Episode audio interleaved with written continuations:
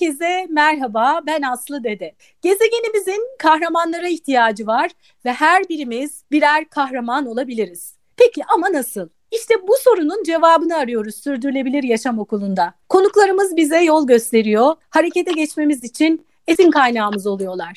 İşte yine böyle bir esin kaynağı çok değerli bir konuğum var bugün. Yıllar yıllar önce kendisiyle sohbet etmiştik. Şu anda konuğumuz kim? Özgün Öztürk, mimar, döngüsel tasarımcı. Hoş geldin Özgün. Hoş bulduk. Merhabalar tekrar. Merhaba, ne kadar oldu acaba seninle konuşalı? E, radyo programıma konuk olmuştun. Telefon 2000... bağlantısıyla sohbet etmiştik. Hatırlıyor musun? Hangi evet yılda? evet 2014 e, çünkü to, İTÜ Vakfı Toprak Yapılar grubunun eğitimi vardı hatta Toprak Yapılar Atölyesi. E, onunla ilgili de böyle bir şey olmuştu. Onu da bahsettiğimiz bir e, an olmuştu. Evet 2014 oldukça evet. zaman öncü, vizyoner ve bence gezegenin kahramanısın. Allah çok teşekkür ederim.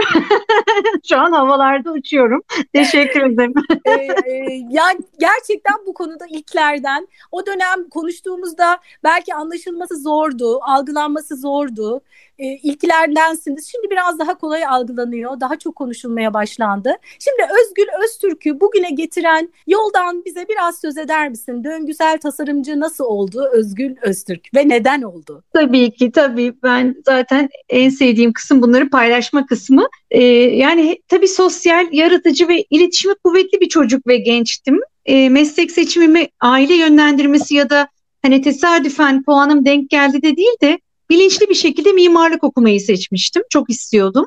Aslında orada da hani sanat, yaratıcılık ve mühendisliğin böyle kesişim noktası olarak görüyordum mimarlığı. Böyle okul e, çok keyifli okudum, bitti, e, iş hayatına geçtim, e, kendi işimi kurdum. Hep böyle bir heyecanla ama böyle sevdiğim şeyde e, her neyse ilgilendiğim yaparken koşa koşa maratonda gibi gittim. Yani hala öyle bir tarafım var ama Şimdi tabii yaşla o biraz daha yavaşlıyor. Ama sevmediğim bir kısımda böyle içimin ittiği, değerlerde uyuşamadığım bir şey olduğunda bir santim bile yol alamıyorum oralarda. Belki o oralarda da çok başarısız ve beceriksiz görünmüş olabilirim hani bu süreçler içerisinde. Çünkü yani böyle bir türlü adım atamadığım hani yok bunu yapmak istemiyorumlar da çıktı karşıma. Ama genelde sevdiğim şeyleri yapmayı seçtim. Yani ilgi duyduğum konuda onu öğrenme merakım beni pek çok yola koyuverdi e, ve merak, e, heves, öğrenme heyecanım bu ilgilendiğim konularda da tutkuyla yapmama vesile oldu diyebilirim. Aslında hayat boyu öğrenmeye inanan bir insanım. Hiçbir zaman öğrendim bitti değil daha ne olabilir? Bir yandan öğrenci olup bazen öğretmen oluyorsunuz. Yani bu karşılıklı bu sürekli e, değişken bir süreç. Yani ben okulu bitirdim. Mimarlıkla ilgili işte e, eleman olarak bir yerlerde çalıştım. E, sonra kendi ofisimi açtım çok genç bir yaşta e, ve dekorasyon işi yapıyordum. Ve dekorasyonu da çok tabii sevdiğim olarak böyle koştura koştura yaparken bir dönem 2005'ler falan böyle şeyi sorguluyordum. Yani başka türlü nasıl mümkün? Ama e, yani dekorasyon da çok keyifli yapıp iyi de para kazanıyordum. Orada şunu sorgulamaya başladım. Yani biz dünyanın bir ucundan bir malzeme, öbür ucundan öbür taraftan bir malzeme, küçücük bir mekan için ne kadar büyük enerjiler harcıyoruz diye bunu sorguladığımda bana böyle tuhaf tuhaf bakılmaya başlanan zamanlarda o zaman. Zaten vizyonerlere öyle bir başta deli gibi bakıyorlar. ne diyor bu diyorlar. tabii tabii böyle bir yazıklar çekildi bana çok. Yani yazık hani İTÜ'yü de bitirdi ama yazık. Onu böyle çok şimdi söylüyorum. ben de çok duydum onları biliyorum. yani ofisimi de 98'de açtığımda bir kapıcı evi müştemilattı. Orada da ya sen dekorasyon yapıyorsun hani kitlen şöyle böyle senin şurada burada olman lazım gibi semt isimleriyle bana böyle seçenekler sunulurken yani çifte havuzlarda Cemil Topuz'un üzerinde 750 metrekare bahçesi olan bir alanı ben 12 sene keyifle ofis olarak kullandım. Kapıcı evi müştemilat o zaman vardı bu müştemilatlar. Ama bahçe kocamandı. Orada şahane şeyler yaptık, üretimler ve önce kendimizi besledik alanda tabii mimar olduğum için mekanı dönüştürebilme gücümle ben orayı düşünüp hani bunu nasıl hayal edebilirim bir sonraki halini gözümde tasarlayarak aslında orayı tuttum tabii o haliyle kullanayım diye değil. E tabii dönüştürme tabii o dönemler ekoloji, sürdürülebilirlik, dönüşüm falan bunların hiçbirini kelime olarak değil de işsel olarak ya bu çok güzel bir yer dönüştürsek şöyle kullansak işte 12 yıl orasıydı. Sonra 6 yıl İdealtepe'de bir müş, e, müştemilatı kullandım. Yani 18 yıl İstanbul'un içinde küçük uydu alanlar yaratarak kendi enerjimizi e, yani şöyle diyeyim kendi enerjimiz derken elektrik olarak değil ama kendi suyumuzu yağmurdan e, işte varile toplayıp bahçe sulama, kendi gıdamızı üretme, kendi içinde kaynakları dönüştürmeye dair pek çok çalışma yaptık ve bu mekanları artırmak aslında müşterilerime yapmaya, sunmaya pek cesaret edemiyordum. Çünkü işte atıkları dönüştürürse ay yok yok biz hani atık değil temiz sıfır yenisini istiyoruz. hani, hani bir iki böyle azıcık yeltendim falan ama o dönemler zaman doğru zaman değildi belki ee, ve şimdi hepimiz aynı sayfadan bunu daha iyi konuşuyoruz. O sorgulama sürecinde işte o kadar enerji harcanırken başka türlü nasıl mümkün diye başladığımda önüme kavram olarak 2006'lar falan şey geldi. Yani işte ekolojik mimari diye bir kavram ya da sürdürülebilirlik bunları kelime olarak e, benim yeni duyduğum ama hani tabii yaşamda eski köyleri gördüğümüzde ettiğimizde de bunların bir kavram bazıyla bakmayıp e, aslında gördüğümüz dedelerimizden bildiğimiz şeyleri de e, yani alt temelimizde var bunlar. E, ve bunun üzerine de bunu ben böyle hemen e, buna odaklanıp bu konulara odaklanıp yani böyle bir iki yıl tam odaklanıp bunu tam olarak işim olarak yaparım diye bir heyecanla maraton şeklinde başladım. Da hiç öyle olmadı. İşte aradan 15 yıl falan geçti. Çünkü şey olmadı yani e, talep arz talep meselesi. Hani benim bunu çok istemem, çok heyecan duymam değil. Birilerinin de bunu talep etmesi ki biz de bunu yapabilelim, uygulayabilelim gibi şeyler çok önemliydi. Çok, çok Tabii bir yandan anlıyorum. Evet. yani e, ama şu var. Hani herkesin demlenme süreci e, var, ayrı ayrı var. Hani ben başka bir sürece göre başka bir şeyleri çok kenara koymuşumdur muhakkak. Hani bu taraflarda daha kalbim açıktı. E, ve bir sürü yerde de gönüllülüğüm vardı. Hani gönüllü olarak da aktif içinde bulunduğum çalışmalar dedim. O dönem senle e, 2014'te sohbetini yaptığımız programda e, Ruhi Kafesçioğlu hocamızın rahmetli oldu geçen sene. E, onun bir tekniği olan Alker toprak yapım tekniğini e, Toprak Yapılar Grubu olarak eğitimini veriyorduk. Ve ona da birkaç yıl ben hocama da gönüllü olup onunla çalışma şansına da eriştim. E, bu yıllar içerisinde işte 2010'lardan sonra e, ve o yani hem yabancılardan yurt dışından bir takım eğitimler aldım. Ama hocamı görünce yani yaşayan bir e, 100 yılın bilgisi ve bilgeliği ve aklı, tutkusu, enerjisi e, şahane. E, gerçekten örnek alınacak bir insandı. Yani benim için çok özel yeri bir, e, Ruhi hocamızın. O yüzden onunla çalışmanın da e, kıymetini çok değerli buluyorum. Ben de oradan edindiğim bilgileri hem projelerimde kullanma hem aktarma yönelik çalışmalar içerisinde oldum. Tabii mimarlık eğitimimle e, tabii çok gençken ofisimi açtım. Şirketimin adı A Mimarlık. Ama yaptığım şeyler böyle dağınık görünüyordu birbirinden. İşte orada bir yandan Kadın Girişimciler Derneği üyesiyim. Bir tarafta işte ekolojik e, yaşamla ilgili, sürdürülebilir yaşamla ilgili bir şeylerin içerisindeyim, gönüllü. Hem öğreniyorum hem yaşamıma geçirmeye çalışıyorum. E, bir yandan Ruhi Hocam'la bu e, teknik üzerine yoğunlaşıyorum. Feng Shui eğitimi alıyorum falan böyle aynı bütünün parçalarıydı. E, ama ben onların hepsini bir bütün e, bir hizmet olarak sunamadığım için hani boş işler gibi görünüyordu dışarıda. Ee, öyle. yani bana da söyleniyordu böyle bunlar çünkü. ee, fakat hani şimdi baktığımda aslında bunların hepsi e, döngüsel tasarımcı beni yapmaya yönelik götüren yolun her birinin adı. Yani evet. o yolda olma hali bence çok kıymetli. Hani yolun sonunda ne olura odaklanma değil de yolda öğrenme, birlikte öğrenme e, ve yolda düşme kalkma neyi yapmalı, kimle yapmalı, kimle yapmamalı falan. Bu, bu süreçler gerçekten çok değerli benim için. Hala devam ediyor tabii. Çok çok iyi anlıyorum. E, aslında süreçte kalbinle bir şeyler yapıyorsun ama onlar bir süre sonra bir bakıyorsun onlar aslında temel temeli oluşturan taşlarmış. Evet. Sonra bir bütün oluşturuyor hepsi. Aslında birbirinden çok farksız, farklımış gibi gözüküyor ama aslında onlar bir bütünü oluşturuyor bir süre sonra. O yüzden e, ilk olmak zor zaten. Biraz önce olmak o, o, o açıdan zor. Bu arada Toprağın Kadınları e, projesinde de bir ödülüm var değil mi? Ben tabii evet. takip ediyorum sosyal medyadan. Evet, evet. O da 2016'da tabii yani bu sürecin içerisinde E, aslında e, 2006'da e, babamı kaybettim. E, çok genç bir yaştaydı, 59 yaşında e, ve çok yani aniydi ve dedelerimin köyü yani olan köyde e, bir ev yaptırmıştı dedemin bağının içinde e, ve orada son ziyaretinde orada kaybettik. Daha doğrusu 10 ayın içerisinde çok yakın vefatımız oldu. Yani dayım, halam, amcam, babam aile içinde çok üst üste şeyler oldu. Ve aslında benim böyle içselleştiğim, derinleştiğim, başka türlü neler mümküne tam böyle e, derinleştiğim süreçlerde kendi özümle, kendi yaşamımın e, aslında e, nasıl diyeyim köklerimin kaynağıyla falan da buluştuğum zamanlardı bir yandan da.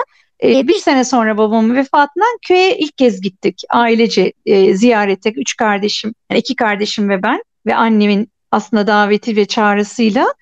Ve orada zaten yani e, benim ilk kez gördüğüm Doğu Anadolu'da Elazığ'da köy, Nimri köyün adı. Ve her şey e, eski halinde olan evler o kadar orayla bir bütün, oraya ait ve e, o kadar güzel ki toprak, taş, ahşap bütünlüğünde e, yarı dökük yıkık evler, üç adet de belki tam kalan ev vardı. Ama diğer evlerin hepsi beton ve şekilsiz, böyle saç çatılı, e, ne bileyim plastik doğramalı, alüminyum korkuluklu, beton falan çok oraya ait değil ve çok da şey duruyordu. Oraya yapıştırmış ama hani gitti gidecek burada buradan değil yani gibi duruyordu. E, tam bu ekolojik mimari falan da ilgilendiğim zamanlar e, özel bir dönemdi benim o dönem aslında. O, o yolun yolculuğu beni toprağın kadınları yarışmasına götürdü diyeyim çok kısa hani olarak. Bu apayrı bir konu çünkü. Yani oraya e, gittiğim dönemin hassasiyeti, kendi içimde aldığım kararlar ve aslında hayata söylediğim sözlerin bir e, yaşamımdaki anlaşmalar olmuş bazı şeyler o sıralarda söylediğim şeyler şimdi baktığımda ve o anlaşmalara sadık kalmışım o yolu yürümüşüm öyle diyeyim. E, yürüdüğümde de aşağı yukarı 10 yıl sonra e, Toprağın Kadınları yarışmasına getirdi. Çünkü köy için başladığım o yolculuk ben bu köy için ne yapabilirim dedim ilk gittiğimde babamın anısına gittiğimde ve mimar kimliğimle ilk yapabileceğimin e, bir ev örnek modeli çizmek yani sadece bunu bu kadar çok beton çirkin ve şekilsiz ev hiç olmazsa ben bunu gönüllü olarak çizeyim. Bir para bedel e, talep etmiyorum. E, hiç olmazsa oranın kendi malzemeleriyle neler mümkün? Bunu da e, işte büyüklerimizi kaybettiklerim ve atalarım adına hediye etmek istiyorum diye 2007'de bir sene sonra gittiğimizde Facebook'ta yeni kurulmuştu. Facebook köy sayfasına yazdım ben bunu o dönemde. Ee, ve o, o hiçbir ses çıkmadı. Yani ben isterim böyle bir ev falan diye köylülerimizden. Ama benim kalbime köy için bir şey yapma heyecanı düştü. Yani orayla bir bağ ilk kez kurdum o gidişimle. Ve her sene gitmeye başladım. Ve sonra köyün derneğinin yönetimine girdim. Orada gönüllü çalıştım. Bir yandan İstanbul'da Kagider üyesiyim. Kadının güçlenmesine yönelik projeler üretiyoruz. Ben hem öğreniyorum hem içinde yer alıyorum. Ve orada da aslında kadını güçlendiren, üretime yönelik neler yapabiliriz diye onun keşfinde ve takibindeydim. Hani dernek içerisinde de bunları yapsak, işte bir kooperatif olsa, köyümüzde bu üretimler artsa, şehirdeki e, köylülerimiz bunları satın alsa diye olmadı çok e, uzun bir süre ama tabii şu var sosyal görünmeyen ağlar ve bağlar örüldü. Hani sadece bir fiziki bir yapı yapamadım köyde ama görünmeyen çok şey orada mental tasarımlar, sosyal tasarımlar denilen şeyler oldu orada. Ve e, hayal ettiğim şey yıllar sonra önüme bir yarışma e, ilanı geldi. Toprağın kadınları kar amacı gütmeden toplum, dayanışma, biyoçeşitlik için çalışmalar yapan kadınlara verilen bir ödül. Bir arkadaşım gönderdi. Ya böyle öncelikle kenara koydum. E sonra bu ta 2007'de hayal edip de bir tane çizeyim dediğim e, o dileğimi, niyetimi, kuvvetli niyetimi bu yarışmayı kazanırsam eğer yapayım olarak bunu hedef olan bir proje fikri koydum. Yani köyde bir toprak yapı, onu da Ruhi hocamın gönüllüsü olduğum için onun tekniğini kullanarak hatta beraber yapmak çok istiyordum. E, o toprak yapıda modern bir toprak yapı, e, kadını güçlendiren, kadın üretimini ve kadını eğitimini de destekleyerek aslında e, yerel üretimleri de destekleyen, bunların alımını da şehirdeki köylülerimiz aracılığıyla yaparak o bağları ve köprüleri kurmak ve tekrar bir ekonomi yaratmak üzerine bir projeydi. Türkiye birinciliği sonra da dünya iki tane dünya birinciliği oldu. Toprağın kadını en sevdiğim ünvanım hayatımda şu anda. Çok çok güzel. Aslında Ruhi Hoca ile birlikte yapmışsınız zaten. Ee, ayrıca e, insanın aslında acılarından neler yaratabileceğine o kadar güzel bir örnek ki e, hayatta kayıplar olabiliyor ama önemli olan o kayıplardan sonra e, içinden yaratıcı bir şeyler çıkarabilmek bütün insanlar için, dünya için. E, çok da güzel, duygusal olarak da çok güzel bir örnek. E, acılarımızı nasıl dönüştürebiliriz? Bu da çok güzel. E, çok teşekkür ederim. E, e, Döngüs ben açıkçası öyküsünü bu kadar detaylı bilmiyordum. Etkilendim şu anda dinleyince. E, sanırım dinleyenler de etkilenecektir. E, döngüsel tasarım deyince mimaride ne anlamalıyız? Biraz daha böyle insanların kafasında somutlaşması açısından. Mesela ben bana göre nefes alan evler. E, evet. Nefes alan evet. ofisler, nefes alan binalar diye düşünüyorum. Ama biraz daha detaylandırırsak nedir döngüsel tasarım mimaride? Tabii yani döngü içinde aslında bir süreç döngü sürekli var. Yani biten bir şey yok. Bir şey çürüyor, başka bir şeye fayda oluyor. Hani doğada zaten o döngü var, ekosistemde var. Biraz onu da taklit ederek bakmak aslında tasarımlara da. Döngü içinde atıksız bir yaşam bakış açısıyla sürdürülebilir, esnek, uzun ömürlü yaşam alanları, ürün, hizmet ve süreçler yani bizim çalışmamız içerisinde sadece fiziki yapı olarak bakmıyorum ben açıkçası.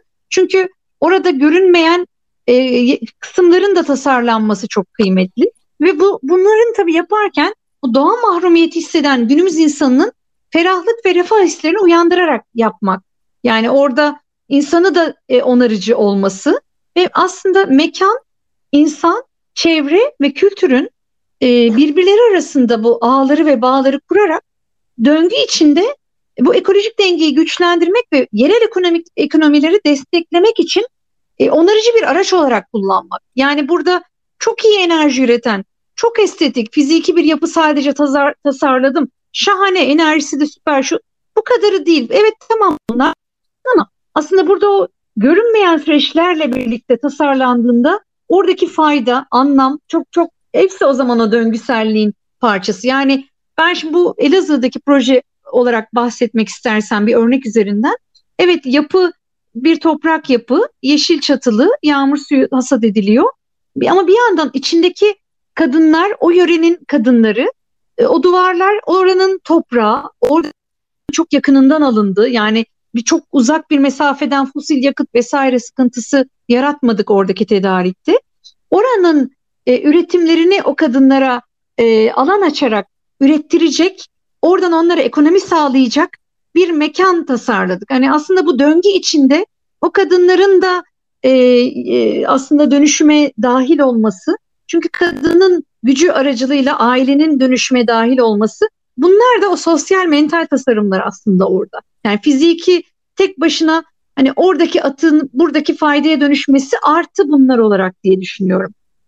Evet sadece yapı olarak bakmayalım.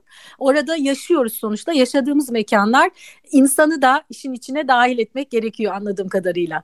Kesinlikle. Peki e, ya aslında ben şimdi e, bir sürü soru yazmışım buraya. Zamanımız yetmeyecek. Yettiği kadarını soracağım. Bence bu sohbetin devamı kesin olmalı. Çünkü, bu, çünkü buradakilerin hepsini öğrenmek istiyorum. Yettiği kadar şu anda konuşalım. Tabii, Sonra tabii. devamını getiririz.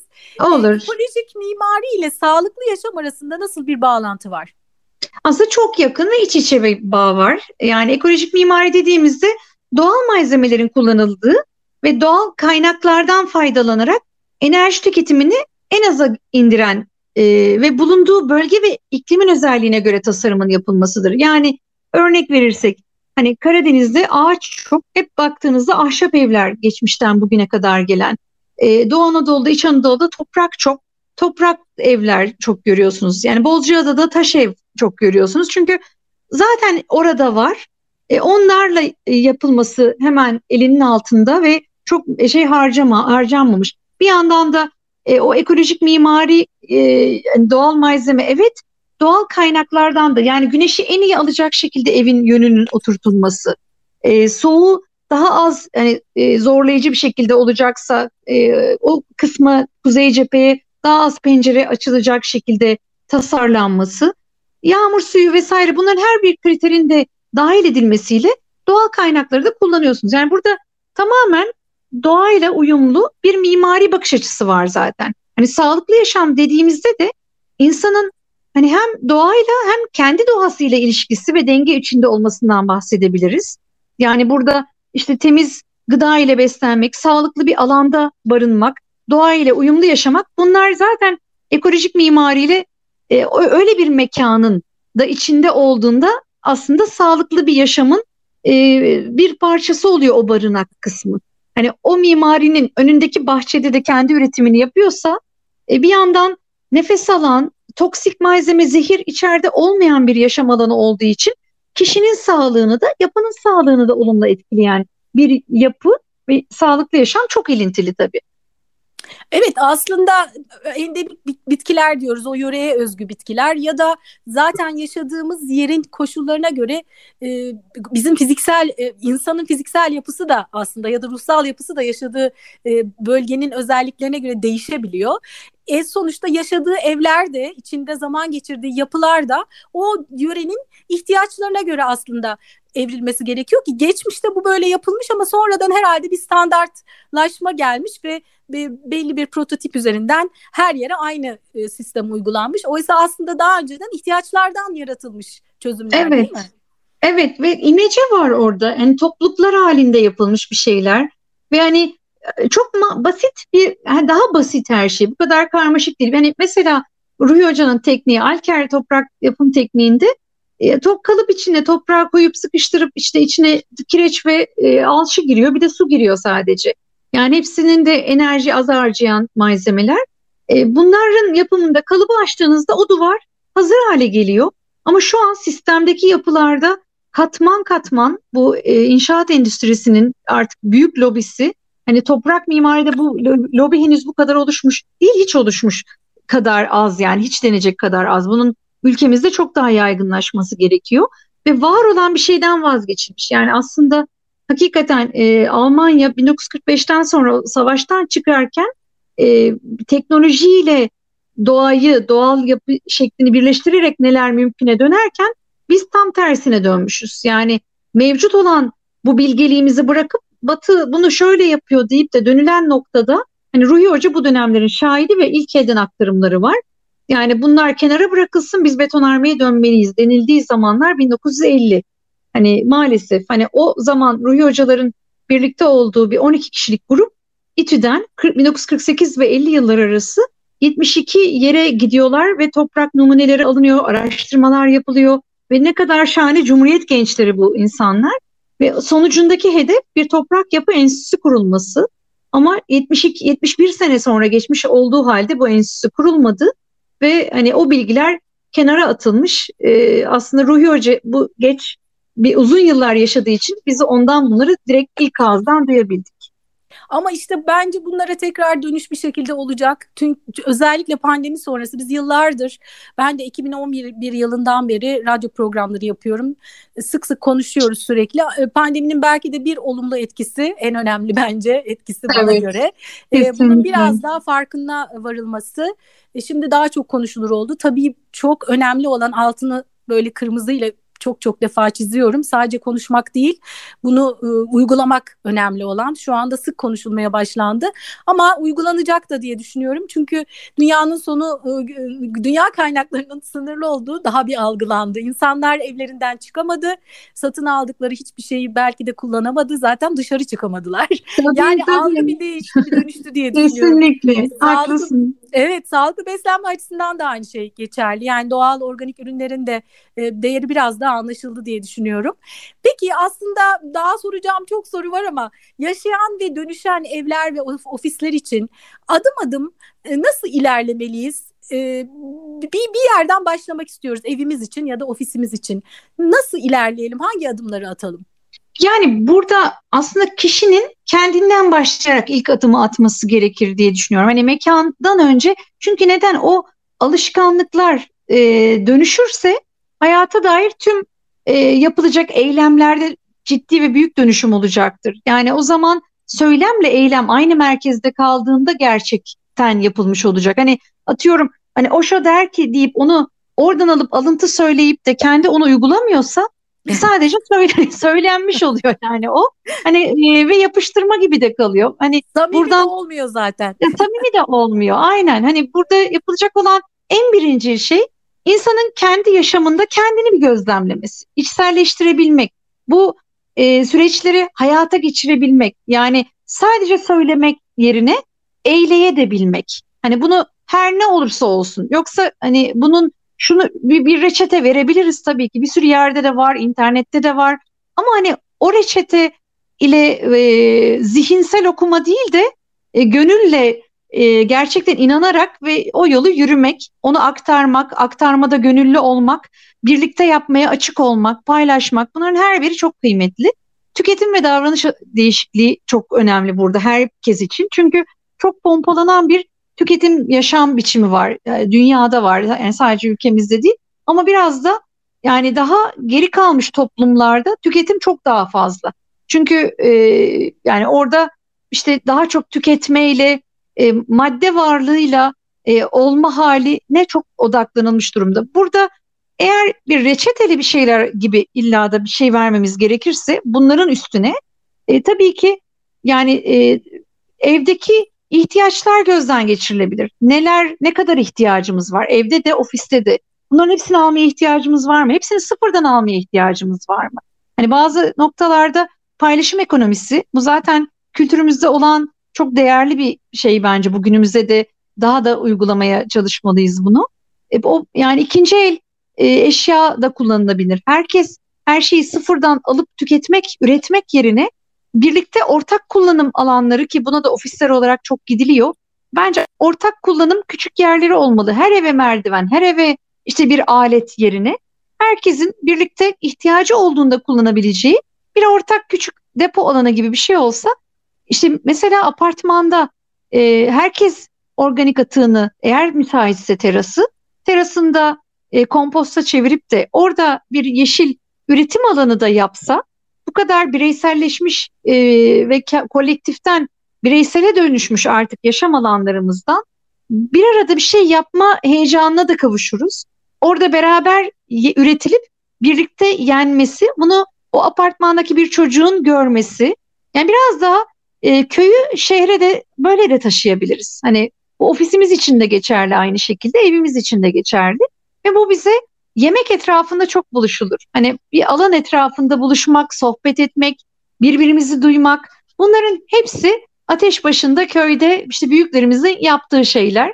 E, bunları şehirde bu şekilde ufak ufak yapılabilir. E tabii e, yani bu söylememe artık her yerden bas bas bağırarak işte suyu az tüketmek, elektriği az tüketmek ama evsel e, su tüketimi o kadar azmış ki oran olarak esas büyük oran e, tarım arazilerindeki %75'i tüketimde su. Ama yine de bu geri kalan sanayi ve evselde de e, buna dikkat etmek önemli. Çünkü kurak bir ülke olma girişindeyiz. Hani yakın zamanda su kıtlığı daha sıkıntı olacak. Hani artık yağmur suyu toplama bir kanuna da bağlandı ve bununla ilgili hani binalar olarak, apartmanlar olarak, iş yerleri olarak ortak kararlar alınıp e, en azından ya bahçe sulamaya ya biriktirip yeni e, tesisat revizyonu olabiliyorsa ya da yeni bir şey yapılabiliyorsa klozet rezervuarına bu hasat suyu geri verilebilir, kullanılabilir. E, de, gerisi aslında biraz da yaşama dair alışkanlıkların gözden geçirilmesi. Çünkü bir iki alışkanlık dönüştüğünde otomatik tetikleyici olacak ve bir sürü şeyi arkasından getireceğini düşünüyorum. Hani benim kendi yaşamımda hep öyle ilerledi. Hani dönüşen şey başka şeyi de yeni kapılar açmaya başka türlü bakmaya doğru itti bir yandan da. Peki e, ya o kadar lezzetli bir sohbet ki bu.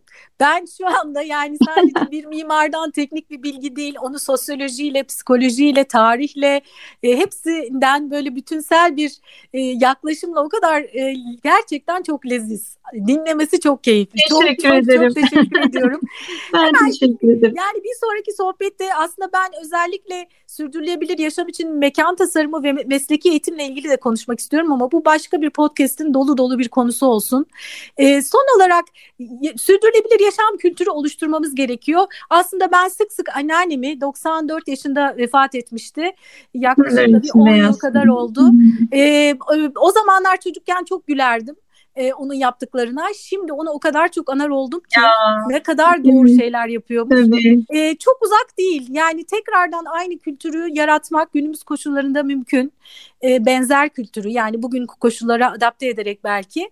E, sen kişisel olarak hayatında e, mesela o dönüşümü insanlara esin kaynağı olması açısından ne gibi e, davranış değişikliklerin olduğu ya da seçimlerini nasıl değiştirdin? Böyle bir iki tane insanlara esin verici bir şey söyleyerek bağlayalım bugünkü bölümü. E, tabii yani hani bazıları da aileden gelen şeyler de var. Hani benim e, alışveriş ihtiyacım alışveriş ihtiyacım kadar almak. Hani değilse çok böyle e, rahatlamak için alışverişe gitmiyorum. Hani başka şeylerle ilgi alanlarım geniş. Hani oralarda kendimi e, sağaltıyorum diyeyim.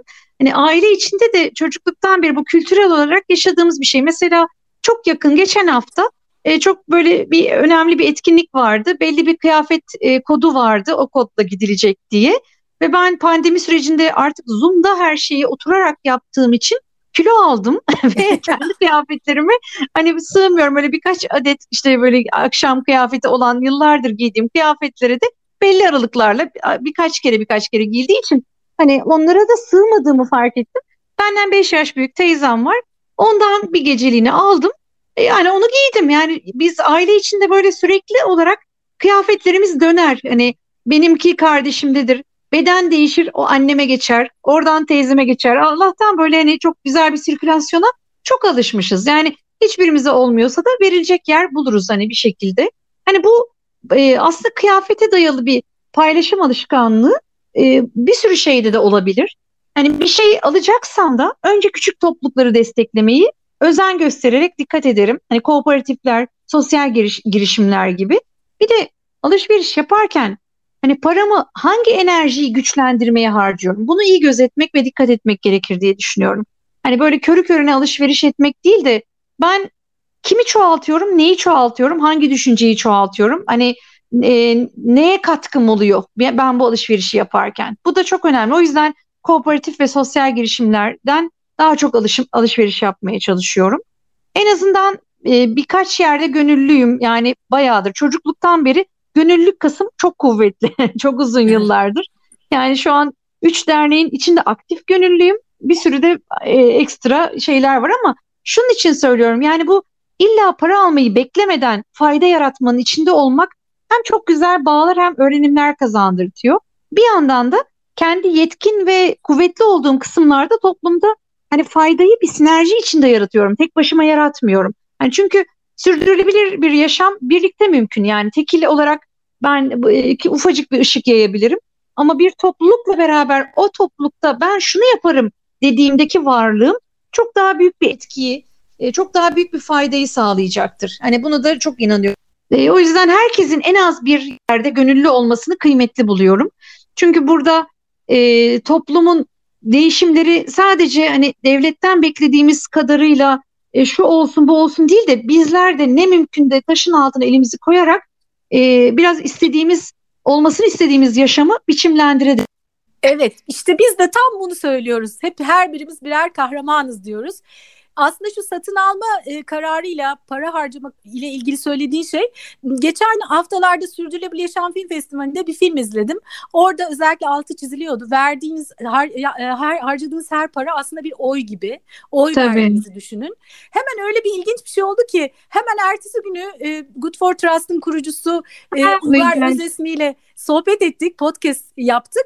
Ee, evet. Bir gün önce bir filmde dinlemiştim. O dedi ki aynı cümleyi o da kurdu. Dedi ki para verdiğimiz zaman aslında bir oy veriyoruz. Yani orada seçimimizle e, har, e, kazandığımız parayı harcarken aslında sürekli bir oy verdiğinizi düşünün dedi. Aslında sen de şimdi ona benzer bir şey söylemiş oldun. Peki çok çok teşekkür ediyorum. Değerli bilgilerin için, yaptıkların için, vizyoner olduğun için, kahraman olduğun için. Çok çok teşekkürler. Çok teşekkür ederim onurlandırdığın ve bu kadar keyifli bir sohbete beni davet ettiğin için. Çok ben de çok teşekkür ediyorum. Çok sevgiler. Rica ederim. Bugün Sürdürülebilir Yaşam Okulu'nun bir bölümünün daha sonuna geldik. Ben Aslı Dede. Bir sonraki bölümde buluşmak üzere demeden önce başta ne söylemiştik? Tüm canlılarla birlikte dünyada yaşamın sağlıkla sürmesi için gezegenimizin kahramanlara ihtiyacı var. Ve o kahraman sen olabilirsin. Harekete geç.